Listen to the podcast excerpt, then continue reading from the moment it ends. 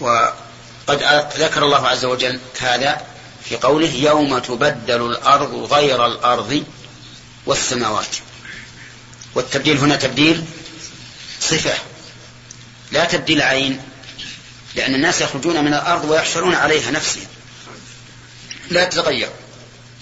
بمعنى لا يأتي أرض جديدة لكنها تبدل بالصفة. أرضنا الآن فيها أودية. وجبال ورمال وأشجار وأحجار وقصور ومباني وآبار وغيرها. كل هذا يوم القيامة يزول تكون كأنها المروة. ليس فيها لا ترى فيها عوجا ولا أمتا نعم. نعم. الظاهر انه اليهودي ثم قال اليهودي ألا أخبرك بإدامة؟ هكذا عندك القصة الآني نعم.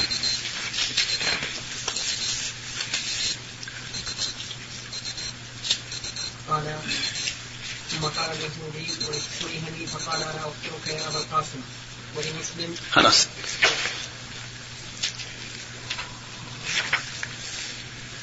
باب الحشر حدثنا عندنا كيف الحشر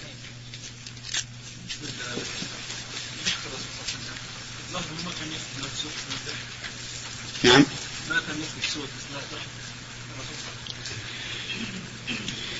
الضحك يجوز أن يكون له صوت خفي ويجوز أن يكون صوت قهقهة لكن الرسول ما كان يقهقه هذا.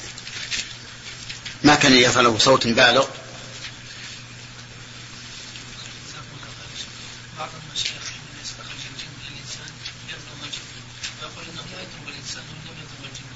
كيف؟ انه حينما يستخرج الجن من الانسان فانه يطمع على وجهه على وجه من؟ على وجه المريض هذا ويكون يتحدث مع الجن. فيقول إن هذا اللفظ لا تكتب للانسان إنما تكتب للجن مشكل ما أدري. هذه ما أدري عنها. السخاوة يغتاله ولا يغوره ويكون أنا غور الجن بعد. نعم. لكن ضربه في رقبته. اللي ذكر ابن القيم عنه إنه ضربه في رقبته. صحيح صحيح صحيح. ما ندري والله. الله أعلم. يمكن الجن إذا تلبس بالانسي إنه يكون وجهه وجه في وجه الانسي ما ندري. هذا هو الأصل. الأصل هو هذا. ولا أنا أنا شفت شفت واحد بعجل وإنسان صرع وقام يصفق وجهه. نعم؟ اي نعم. بس ما عاد شيء باب والله أنا أرى أن, أن الأولى إبقاء النص على ما هو عليه حتى يتبين الأمر. نعم. يكون الحديث هذا مفسر الآية أي؟ الحديث هذا. إيه؟ على أرض بيضاء. اي نعم هذا هذا مما مما يدل عليه. حتى القرآن يدل على هذا. ويسألونك على الجبال فقل ينسفها ربي نسفا فيذرها قاعا صفصفا لا ترى فيها عوجا ولا أمتا. باب نعم. نعم. باب الحشر حدثنا معلى بن أسد معلى بن أسد قال حدثنا وهيب عن ابن طاووس عن أبيه عن أبي هريرة رضي الله عنه عن النبي صلى الله عليه وسلم قال يحشر الناس على ثلاث طرائق راغبين وراهبين واثنان على بعير وثلاثة على بعير وأربعة على بعير وعشرة على بعير ويحشر بقيتهم النار تقيل معهم حيث قالوا وتبيت معهم حيث باتوا وتصبح معهم حيث أصبحوا وتمسي معهم حيث أمسوا. نعم. أي نعم. يمكن نصفها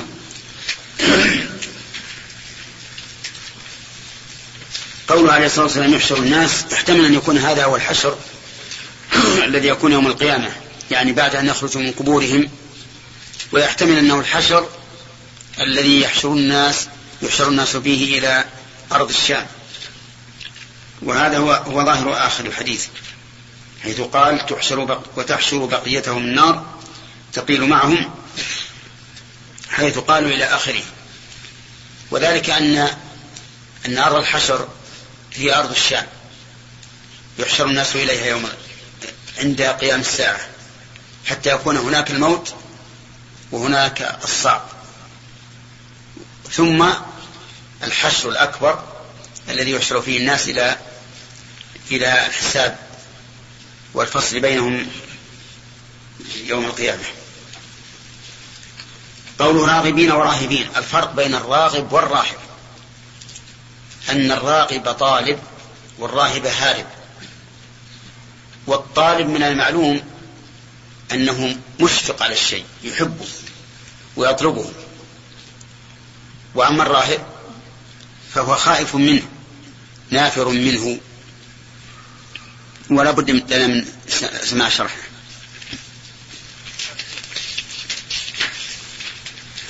اقرأ الشرح من أوله إلى آخره. قوله باب الحشر. نعم. قال القرطبي الحشر الجمع وهو أربعة حشران في الدنيا وحشران في الآخرة. فالذي في الدنيا أحدهما المذكور في سورة الحشر لقوله تعالى هو الذي أخرج الذين كفروا من أهل الكتاب من ديارهم لأول الحشر والثاني الحشر المذكور في أشراط الساعة الذي أخرجه مسلم من حديث حذيفة ابن أسيد رفعه أن الساعة لن تقوم حتى تروا قبلها عشر آيات فذكره. وفي حديث ابن عمر عند أحمد وأبي يعلى مرفوعا تخرج نار قبل يوم القيامة من حضر موت فتسوق الناس الحديث. وفيه فما تأمرنا؟ قال عليكم بالشام. وفي لفظ آخر ذلك نار تخرج من قعر عدن ترحل الناس إلى المحشر. قلت ترحل الناس إلى المحشر. قلت وفي حديث أنس في مسائل عبد الله بن سلام لما أسلم أما أول أشراط الساعة فنار تحشر الناس إلى من المشرق إلى المغرب. وقد, قد وقد قدمت الإشارة إليه في باب طلوع الشمس من مغربها وأنه مذكور في بدء الخلق وفي حديث عبد الله بن عمرو عند الحاكم رفعه. تبعث نار على أهل المشرق فتحشرهم إلى المغرب تبيت معهم حيث باتوا وتقيل معهم حيث قالوا ويكون لها ما سقط منهم وتخلف تسوقهم سوق الجمل الكثير. قرأنا قرأنا الشرح بس ما ما كملنا شرح. نعم. قال يحشر الناس على ثلاث طرائق راغبين وراهبين واثنان على بعير وثلاثة على بعير وأربعة على بعير وعشرة على بعير. ويحشر بقيتهم النار تقيل معهم حيث قالوا وتبيت معهم حيث باتوا وتصبح معهم حيث أصبحوا وتمسي معهم حيث أمسوا. نعم. شو عندك شرح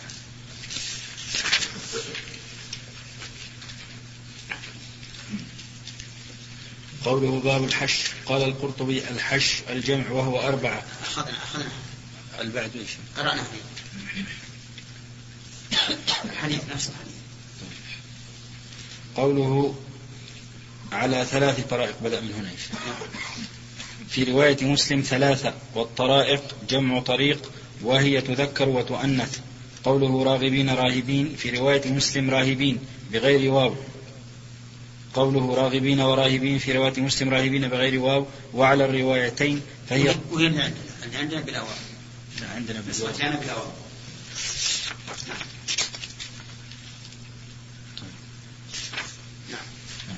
في رواية مسلم راهبين بغير واو وعلى الروايتين فهي الطريقة الأولى قوله واثنان على بعير ثلاثة على بعير أربعة على بعير عشرة على بعير كذا فيه بالواو في الأول فقط وفي رواية مسلم والإسماعيلي بالواو في الجميع وعلى الروايتين فهي الطريقة الثانية قوله وتحشر بقيتهم النار هذه هي النار المذكورة في حديث حذيفة بن أسيد في حديث حذيفة بن أسيد بفتح الهمزة وعند مسلم في حديث فيه ذكر الآيات الكائنة قبل قيام الساعة كطلوع الشمس من مغربها ففيه وآخر ذلك نار تخرج من قعر عدن ترحل الناس وفي رواية له تطرد الناس إلى حشرهم. قوله تقيل معهم حيث قالوا إلى آخره فيه إشارة إلى ملازمة النار لهم إلى أن يصلوا إلى مكان الحشر. وهذه الطريقة الثالثة قال الخطابي هذا الحشر يكون قبل قيام الساعة تحشر الناس أحياء تحشر الناس أحياء إلى الشام وأما الحشر من القبور إلى الموقف فهو على خلاف هذه الصورة من الركوب على الإبل والتعاقب عليها وإنما هو على ما ورد في حديث ابن عباس في الباب حفاة عراة مشاة.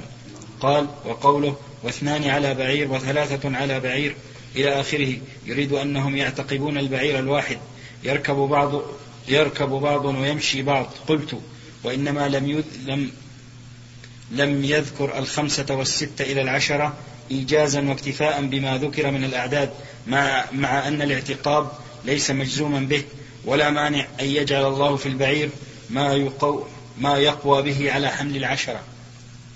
ومال الحليم إلى أن هذا الحش يكون عند الخروج من القبور وجزم به الغزالي وقال الإسماعيلي ظاهر حديث أبي هريرة يخالف حديث ابن, عب حديث ابن عباس المذكور بعد أنهم بعد أنهم يحشرون حفاة عراة مشاة المذكور بعد.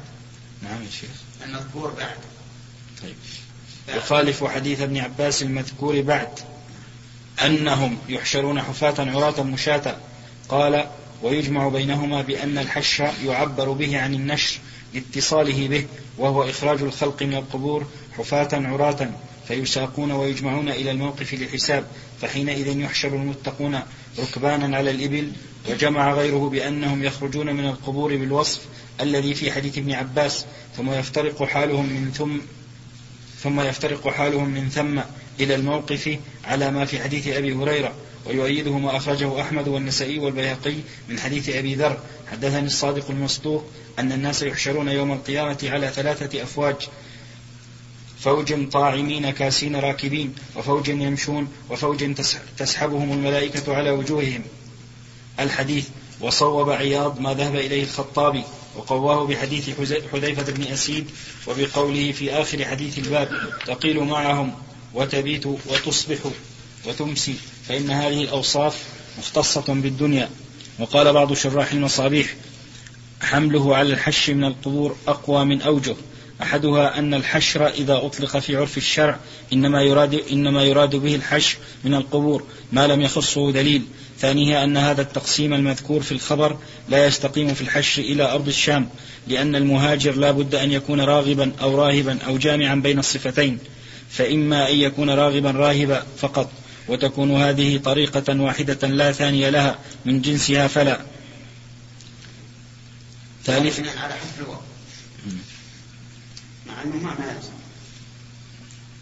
يقول هذا الوجه ضعيف جدا. لأنه إذا صار راغبين وراهبين ظهر فيه التقسيم. وحتى لو قال راغبين وراهبين بدون واو ما يظهر الذي قال. الثاني يا شيخ. نعم. ثالثها حشر البقية على ما ذكر وإلجاء النار لهم إلى تلك الجهة. وملازمتها حتى لا تفارقهم. قول قول لم يرد به التوقيف. وليس لنا أن وليس لنا أن نحكم بتسليط نحكم؟ أن نحكم بتسليط النار يا شيخ. تسليط. تسليط بعدها. إيش بعدها؟ تسليط النار. تسليط النار في الدنيا على أهل على أهل الشنوة. ها؟ على أهل الشنوة. إيه، على أهل الشنوة من غير توقيف. إيش؟ ها؟ إيش؟ الشقوة. الشقوة. على أهل الشقوة من غير توقيف. رابعها أن الحديث يفسر بعضه بعضا وقد وقع في هذا هذا غلط. هذا أيضا غلط. الثاني الثالث غلط. لأن الله قد يسلط النار على هذا. مثل ما سلط الله النار اللي خرجت من من الحجاز. في عام 450 أو 650 656 اي نعم. يقول يمكن. على من سلط يا شيخ؟ نعم. على من سلط الله هذه النار؟ هذا خرجت وصارت تمشي في في الأودية. أقول هذه أيضا يسلط الله نار تخرج من عدن وتمشي مع الناس. هذا أقرب من يوم القيامة لأنه يقول تقيل معهم وتمسي معهم وتصيح معهم. يوم القيامة ما فيه مساء ولا صباح هنا. رابع رابعها أن الحديث يفسر بعضه بعضا وقد وقع في الحسان من حديث أبي هريرة وأخرجه البيهقي من وجه آخر عن علي بن زيد عن أوس بن أوس عن أبي عن أوس بن ابن أبي أوس عن أبي هريرة بلفظ ثلاثا على الدواب وثلاثا ينسلون على أقدامهم وثلاثا على وجوههم قال ونرى أن هذا التقسيم الذي وقع في هذا الحديث نظير التقسيم الذي وقع في تفسير الواقع في قوله تعالى وكنتم أزواجا ثلاثة الآيات فقوله في الحديث راغبين راهبين يريد به عوام المؤمنين وهم من خلط عملا صالحا وآخر سيئا فيترددون بين الخوف والرجاء يخافون عاقبة سيئاتهم ويرجون رحمة الله بإيمانهم وهؤلاء أصحاب الميمنة. وقوله واثنان على بعير إلى آخره. السابقين وهم أفاضل المؤمنين يحشرون ركبانا. وقوله وتحشر بقيتهم النار يريد به أصحاب المشأمة. وركوب السابقين في الحديث يحتمل الحمل دفعة واحدة تنبيها على أن البعير المذكور يكون من بدائع فطرة الله تعالى حتى يقوى على ما لا يقوى عليه غيره من البعران. ويحتمل أن يراد به التعاقب. قال الخطابي وإنما سكت عن الواحد إشارة إلى أنه يكون لمن فوقهم في المرتبة كالأنبياء ليقع الامتياز بين النبي ومن دونه من السابقين في المراكب كما وقع في المراتب. انتهى ملخصا. وتعقبه, الطيبي ورجح ما ذهب إليه الخطابي وأجاب عن الأول بأن الدليل ثابت. فقد ورد في عدة أحاديث وقوع الحشر في الدنيا إلى جهة الشام. وذكر حديث حذيفة بن أسيد الذي نبهت عليه قبل وحديث معاوية بن, حي... بن حيدة حيوة. حيدة حيدة. جد بهز بن حكيم رفعه نعم. إنكم محشورون ونحى بيده نحو الشام رجالا وركبانا وتجرون على وجوهكم. أخرجه الترمذي والنسائي وسنده قوي. وحديث ستكون هجرة بعد هجرة. هجرة, هجرة. نعم. ستكون هجرة بعد هجرة. وتنحاز الناس إلى مهاجر إبراهيم. ولا يبقى مهاجر. مهاجر. إلى مهاجر إبراهيم ولا يبقى في الأرض إلا ولا يبقى في الأرض إلا شرارها. تلفظهم أرضهم وتحشرهم النار مع القردة والخنازير. تبيت. ريض لا خلاص. هو ما زال عندي الإشكال اللي عندي وهو أن التقسيم ليس يعني ظاهرا في أن هذا قسيم هذا. مثل راغبين راهبين هذا الأول. اثنان على بعيد وبقية تحشرهم النار. فالذين على بعيد قد يكونون راغبين راهبين. فهو لو كان الحديث راغبين وراهبين وراغبين راهبين. يعني أن منهم راغب ومنهم راهب ومنهم جامع بين الأمرين. هذا هو التقسيم المتبادل لكن الله أعلم بما أراد الرسول. إنما لا شك عندي في أن هذا الحشر في الدنيا وليس في الآخرة.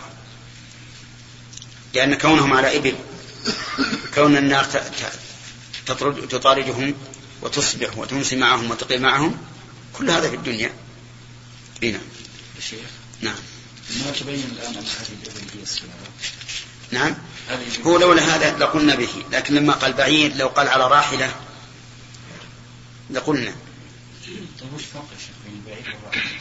البعير والسيارة؟ البعير والراحلة الراحلة ما يرتحله الإنسان.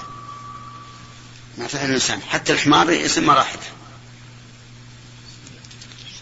نعم. لا هي ولا العشرة تصلح البعير إذا صاروا راكبين دفعة واحدة. حتى الشيخ ابن حجر قال يعني أن البعير قد يقوى على نعم. مر معنا الآن. إن البعير قد يحمله العشرة يعني. قد تكون إبل مختلفة عن إبلنا هذه أو يعطيها الله قوة أو يحط مثلا أنها يعني أخشاب أو نعم؟ إيه مراكب.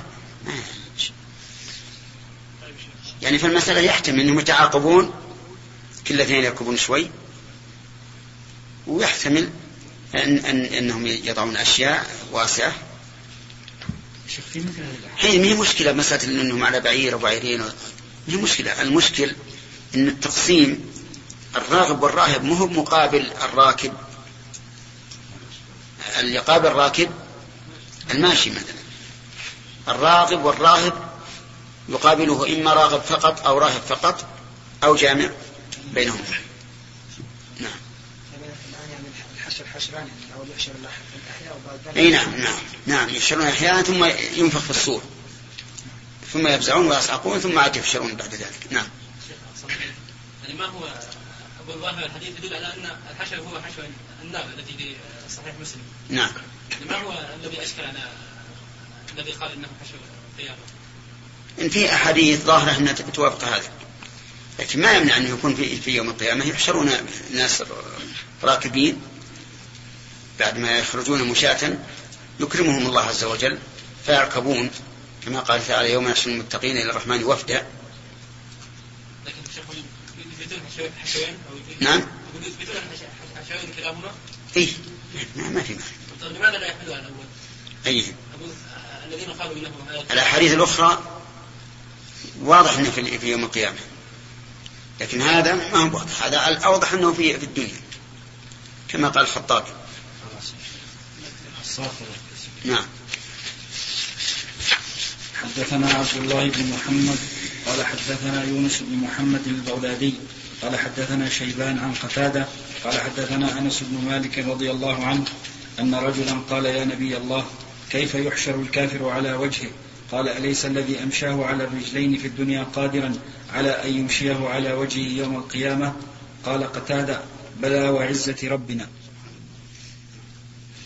في هذا الحديث تفسير قوله تعالى ونحشرهم يوم القيامة على وجوههم عميا وبكما وصما.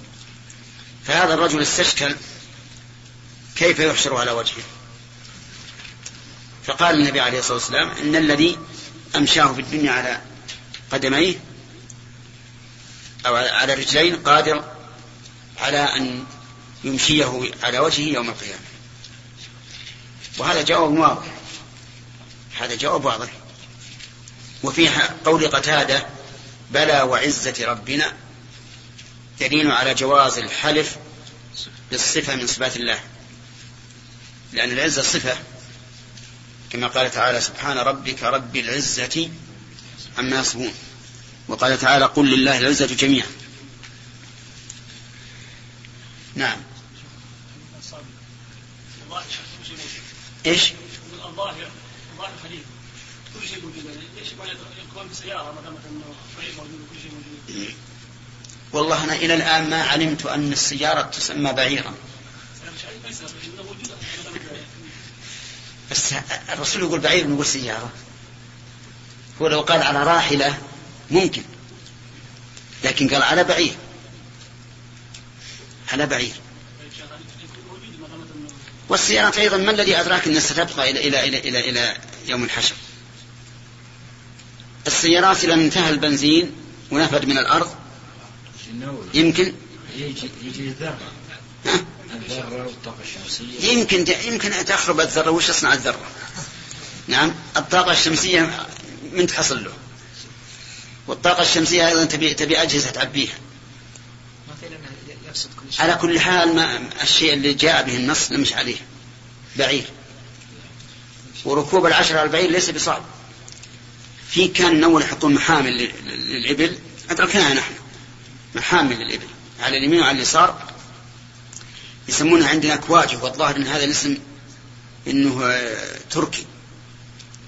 عبارة عن محفة يركب فيها أربع نساء أربع مع اليمين وأربع مع اليسار. يعني لو شئنا أن يركبنا أربع نساء ركبنا يعني آه، عرضة أكثر من اللي عندي هذه. موجودة. إي نعم. هودج. هودج. نعم. بالنسبة إلى حشر الناس على ثلاثة يعني إذا ولد من راغبين وراهبين يعني يطيرون الذي هم يرغبون وراهبين راغبين وراهبين يطيرون وبعض يمشون على الأقدام وبعض يركبون على والله إذا كانت راغب تأتي بمعنى طائر. ها. يعني الراغب يحسن لا راغب بالغين دي. راغب غين من الرغبة. نعم من الرغبة مهم من الرتبة. الراغب يحصل يحصل هذا المرتبة. يعني مرتبة ما لأن الرغبة والرهبة بارك الله فيك الرغبة والرهبة في القلب. يكون إنسان راغب يكون خائف. واضمم إليك جناحك. من الرهبة يعني أنت ما تخاف اضمم إليك جناحك على كل حال ما والله أنا ما زال عندي مشكلة وأنتم إن بدا لكم شيء ولا إن شاء الله غادي اراجعه. نعم. يا شيخ يحشر الناس على ثلاث طرائق راغبين وراهبين. يعني ممكن يكون راغبين وراهبين ولكن كل كل الثلاث طرائق لكنها يعني تختلف درجات. أي بس هذه اذا قلنا هكذا ما صار إلا طريقة واحدة، طريقتين. ما صار إلا طريقتين. الراكبين واللي تحشرهم النار. يعني لو جعلنا راغبين راهبين وصفا للراكبين و... و... و... والذين تحشرهم النار صار ما في إلا طريقتين أخذنا ثلاثة حدثنا علي قال حدثنا سفيان قال عمرو سمعت سعيد بن جبير قال سمعت ابن عباس قال سمعت النبي صلى الله عليه وسلم يقول إنكم ملاقوا الله حفاة عراة مشاة غرلا قال سفيان هذا مما نعد أن ابن عباس سمعه من النبي صلى الله عليه وسلم. حدثنا قتيبة بن سعيد. إنما قال سفيان هذا لأن ابن عباس رضي الله عنهما كما تعلمون كان صغيرا. وقد روى أحاديث كثيرة جدا عن الرسول عليه الصلاة والسلام. وذكر بعض العلماء أنه لم يحفظ عن الرسول إلا نحو أربعين حديثا فقط. ولهذا قال هذا نعد مما سمعه. من النبي صلى الله عليه وسلم. أما البقية التي الأحاديث التي لم يسمعها فهو يسمعها عن عن الصحابة. لكنه رضي الله عنه يرسل يرسل ومرسل الصحابي كما مر علينا في المصطلح حكمه حكم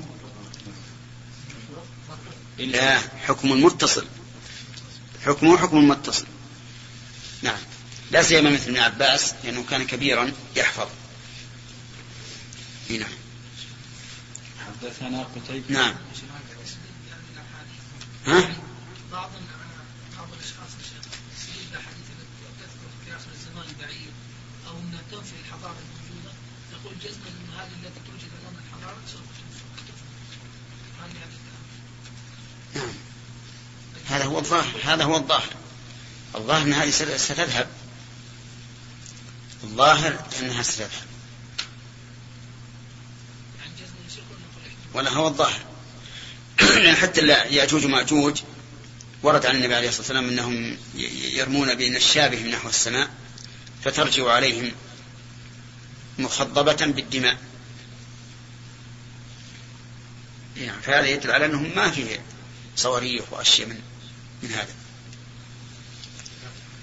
نعم. وهو الظاهر هم الآن يقرون بأن بأن عمرها الوقود هذا. عمره محدود. يعني ما ما يبلغ 150 سنة. هنا.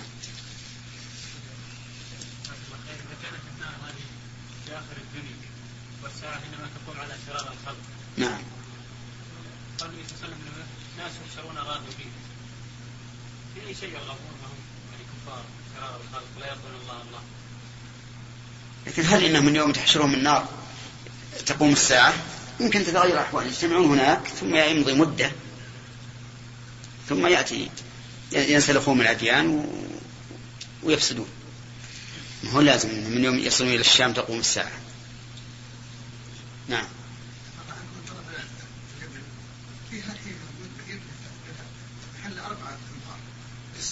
سنمي. يعني أنا شفت بعيني لاني رجعت في وشفت اي موجود موجود مركب وسط ومركب ثلاثة ثلاثة اي أنفار لا هل هم قبل سنة أو سنتين صوروا البعير لكن الظاهر مدملجة لها ست سنوات.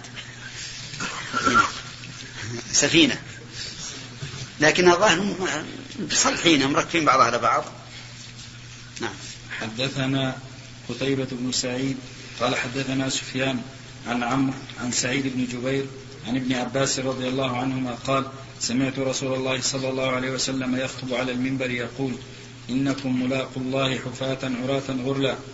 حدثني محمد بن بشار قال حدثنا غندر قال حدثنا شعبة عن المغيرة بن النعمان عن سعيد بن جبير عن ابن عباس قال قام فينا النبي صلى الله عليه وسلم يخطب فقال إنكم محشورون حفاة عراة غرلا كما بدأنا أول خلق نعيده.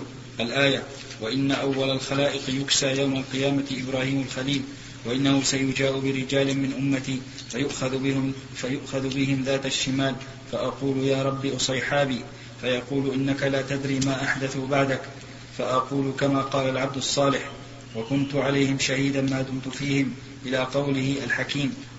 قال فيقال إنهم لم يزالوا مرتدين على أعقابهم. نعم. آه هذا الحديث فيه شاهد لكلام سفيان السابق حيث قال إن هذا مما سمعه من النبي صلى الله عليه وسلم. لأنه قال سمعت قام فينا يخطب. قام فينا يخطب. فيدل على أنه سمعه من النبي صلى الله عليه وسلم. وقولك كما بدنا أول خلق نعيد هذا استشهاد بالآية. يعني كما قال الله تعالى كما بدأنا أول خلق نعيده. وفي هذا دليل على أنه يجوز للمستشهد بالآية أن لا يقول لقوله تعالى أو قال الله تعالى لأن النبي صلى الله عليه وسلم أدمج الآية في الحديث ولم يقل كما قال تعالى أو لقوله تعالى قال كما بدنا أول خلق نعيده. وفيه دليل على أن الناس يكسون يوم القيامة وأن أول من من يكسى إبراهيم عليه الصلاة والسلام. وهذه ميزة له. ولكننا قد ذكرنا في رسالة عقيدة السنة والجماعة أن من حصلت له ميزة عن غيره وخصيصة عن غيره لا يقتضي ذلك تفضيله على غيره تفضيلا مطلقا. بل بل يمتاز بهذه الخصيصة ويكون الفضل المطلق لمن يفضله. فمثلا علي بن أبي طالب قال له النبي عليه الصلاة والسلام أنت مني بمنزلة هارون من موسى غير أنه لا نبي بعد. وهذا لا يقتضي أن يكون أفضل من أبي بكر. لأن أبا بكر له فضائل أخرى جعلته أفضل من علي مطلقا. فهنا إبراهيم يكسى أول الخلاق. هل يلزم من هذا أن يكون أفضل من محمد صلى الله عليه وسلم؟ الجواب لا. لأنه وإن امتاز بهذه الخصيصة لا يلزم أن يكون له الفضل المطلق. وفي أيضا في هذا الحديث دليل على أنه سيرتد أحد من الصحابة لكنهم قلة. ولهذا قال أصيحابي أصيحابي هذه تصريف. يدل على التقليل. ورواية أصحابي يكون المراد بها الجنس. المراد بها الجنس الذي يشمل القليل والكثير. وإذا كان المراد بها الجنس الذي يشمل القليل والكثير ثم جاء مفسرا بأنه القليل حمل الجنس على إيش؟ على القليل. وبهذا التقرير يندفع ما ادعته الرافضة من أن الصحابة كلهم وعلى رأسهم أبو بكر وعمر ارتدوا بعد النبي عليه الصلاة والسلام كفارا إلا نفرا قليلا لأنهم يقولون هذا الحديث في البخاري الذي هو عندكم من أصح الكتب أو هو أصح الكتب يقول الرسول عليه الصلاة والسلام يا ربي أصحابي فيقول فيقول يقول إنك لا تدري ما أحدث بعدك. فنقول أصحابي وأصيحابي. أصحابي جنس يشمل القليل والكثير. وأصيحابي يختص بالقليل. وأيضا كلمة أصيحابي كما أنها تدل على قلة العدد فهي تقول تدل أيضا على قلة الكيفية يعني ضعف الصحبة فيهم. يعني ليسوا من من الصحابة الملازمين لأنه لا يمكن أن يكون رجل صاحب النبي عليه الصلاة والسلام مدة طويلة ثم يرتد بعد ذلك على عقبه. فصار التصغير هنا للتقليل والتحقير. ولست أقول بالتحقير يعني أن الصحابة فيهم أحد حقير لكن هؤلاء يعني صحبتهم كانت للرسول عليه الصلاة والسلام قليلة قليلة. فيكون مراد قلة العدد وش بعد؟ وقلة الصحبة والملازمة. ولهذا قال أصيحابي. وفي أيضا دليل على أن الرسول عليه الصلاة والسلام يذود عن أمته عليه الصلاة والسلام. لأنه دافع عنه. ولكنه لا يعلم الغيب. لا حيا ولا ميتا. وهو بعد الموت أبعد من العلم عما كان قبل الموت. فيقال إنهم لم يزالوا مرتدين على أعقابهم. وهذا في الذين ارتدوا من الصحابة ولم يرجعوا إلى الإسلام. وقاتلتهم الصحابة أبو بكر وغيره. نعم. ومنهم من, من قتل ومنهم من سلم وآمن ومنهم من سلم ومات على الردة. نعم.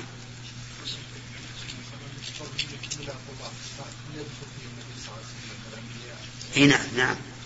كل الناس. ولهذا قال أول من يكسى إبراهيم. إي نعم نفس الشيء نعم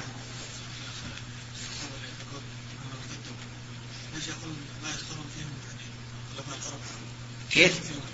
كيف؟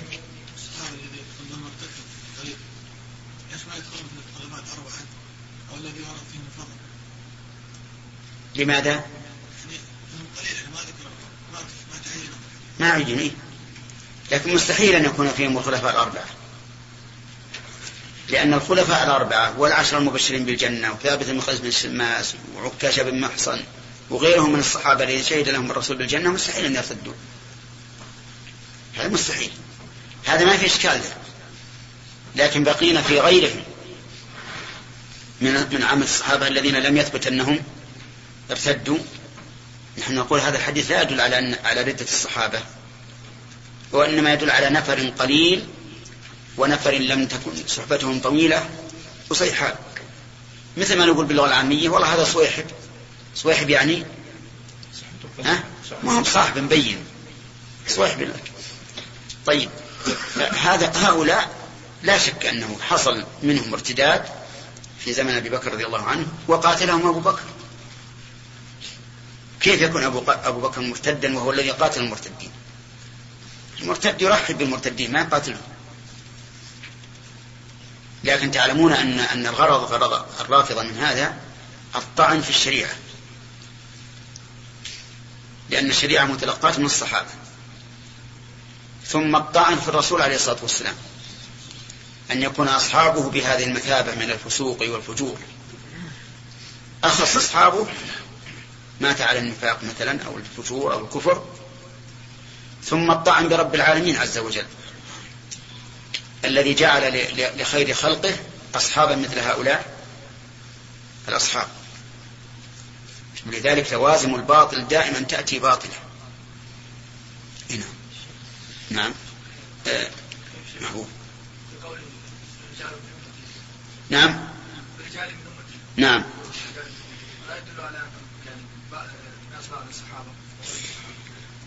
لا لما قال قصيحابي ما يمكن. لأن الرسول عليه الصلاة والسلام لما قال ليتنا نرى إخواننا قال الصحابة يا رسول الله لسنا إخوانك؟ قال لا أنتم أصحابي وإخواني قوم يأتون بعد يؤمنون بي وهم لا يرون. كلامه نعم. حدثنا قيس بن حفص قال حدثنا خالد بن الحارث قال حدثنا حاتم بن أبي صغيرة عن عبد الله بن أبي مليكة قال حدثني القاسم بن محمد بن أبي بكر أن عائشة رضي الله عنها قالت قال رسول الله صلى الله عليه وسلم يحشرون حفاة عراة غرلا. قالت عائشة رضي الله عنها فقلت يا رسول الله الرجال والنساء ينظر بعضهم إلى بعض. فقال الأمر أشد من أن يهمهم ذلك.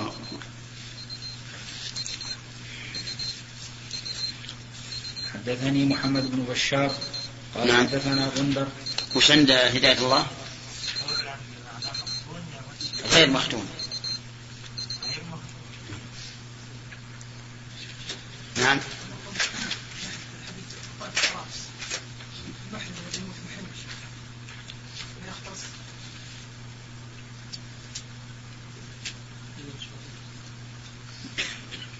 لا ما يخص يحشر حافيا عاريا.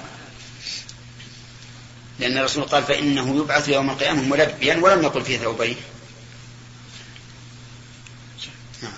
الحديث السابق ما أن الصحابة قاعدة أي السابق واجد من, من هذا إلى إلى باب كيف بدل الوحي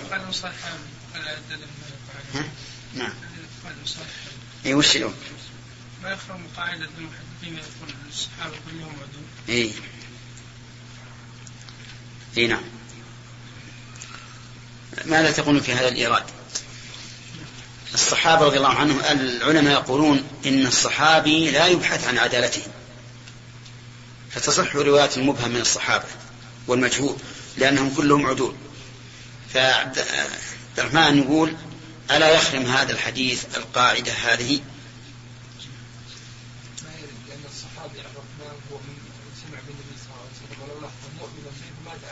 نعم. أي نعم.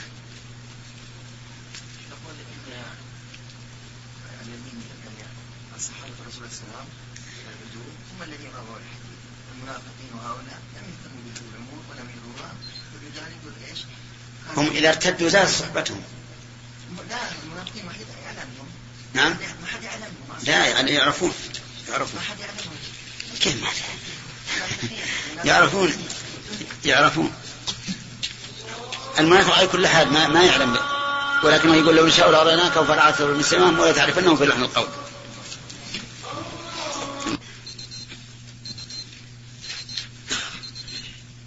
حديث جبريل. أسند ركبتيه إلى ركبتيه ووضع كفيه على فخذيه العلماء يقولون النووي وغيره إن جبريل وضع يديه على فخذيه يعني على فخذ جبريل. كما هو المتبادر وكما هو المعروف في الأدب الإنسان يبغى ينصت ويتم في الإنصات أنه يجلس متأدب هكذا. في رواية للنسائي ذكره الإخوان التصريح بأن جبريل وضع يديه على فخذي النبي عليه الصلاة والسلام. على فخذي النبي. هل نقول مثل هذه إذا جاءت لازم نتتبع الرواة؟ نشوف الشيخ اللي هم اتفقوا به الرواة ونشوف من هذا القرين لهؤلاء الرواة في شيخهم؟ هل هو مثلهم في الأوثقية أو أقل؟ أو أكثر عشان نرجح. لأنه من الجائز أن يكون هذا التفسير من تصرف الراوي هذا. لأنه إذا كان الرواة اللي غيره رووا هذا عن الشيخ غير مفسر بهذا التفسير فمن الجائز أن يكون من تفسير هذا الراوي. ثم عاد ينظر إذا كان من تفسيره هل هو تفسير صحيح أو غير صحيح. لأنه إذا كان إذا كان تفسير والألفاظ الأخرى محتملة لا يعد معارضا في الواقع. المعارضة أن يكون هذا منافي لهذا. ولكن يبقى النظر هل يعارض ما عرف من قواعد الشرع أو من القواعد العرفية؟ فيرد على صاحبه. يرد على على صاحبه. وأنا عندي أنه إذا كان جبريل أسند ركبتيه إلى ركبتي الرسول عليه الصلاة والسلام فهو يحتمل أنه وضع الركبتين على الركبتين أسندها إليه ويحتمل أنه قرب منه جدا ومست ركبته ركبتيه فصارت ركبتي أو ركبتا جبريل كالمسندين المسندين إلى ركبتي النبي عليه الصلاة والسلام. وأيا كان فإنه لن يكون بالسهولة أن يمس فخذي الرسول عليه الصلاة والسلام إلا وهو منحن بعض الشيء. ثم إن الفخذين كثير من أهل العلم يقول إنها عورة. إنها عورة. ووضع اليد عليها لا شك أنه سوء أدب. أن تضع يدك على عورة إنسان هذا سوء أدب. ولا يليق بجبريل مثلا أن يفعل هذا الشيء. هذه يعني فائدة في علم المصطلح ينبغي لطالب العلم أن ينتبه له. ولهذا أحيانا تجدون بعض العلماء الذين يحترزون. يقول الحديث صحيح الإسناد ولا يقول صحيح. لأنه قد يكون في متنه نكارة فلا يكون صحيحا. وأحيانا يكون يقول هو حديث صحيح وإن كان في السند ما فيه لأن له شواهد تؤيده. يكون سنده حسنا ما يصل إلى الصحة لكن من أجل شواهده يكون صحيحا لغيره. وهذه نقطة ينبغي لطالب العلم أن ينتبه لها. وهذه يسميها العلماء العلل علل الحديث. وهو أن يأتي حديث ظاهر الصحة لكن عند البحث والتدقيق يكون فيه علة. وهو من أدق كما قال ابن حجر في شرح النخبة من أدق علوم الحديث. وأصعبها. ولا يطلع عليها إلا الجهابذة في علم الرجال وفي علم الفقه. نعم. تكلم بأسلوب الأعراب نعم. فما يمنع أن يفعل فعل الأعراب؟ يضع يده على الأعراب ما يضعون يدهم على أحد قال يا محمد يا إيه؟ لكن ما يضع يده على فخذ الرسول. بعيدة نعم. أخي الكريم تود مؤسسة الاستقامة الإسلامية للإنتاج والتوزيع في عنيزة والتي قامت بتسجيل هذه المادة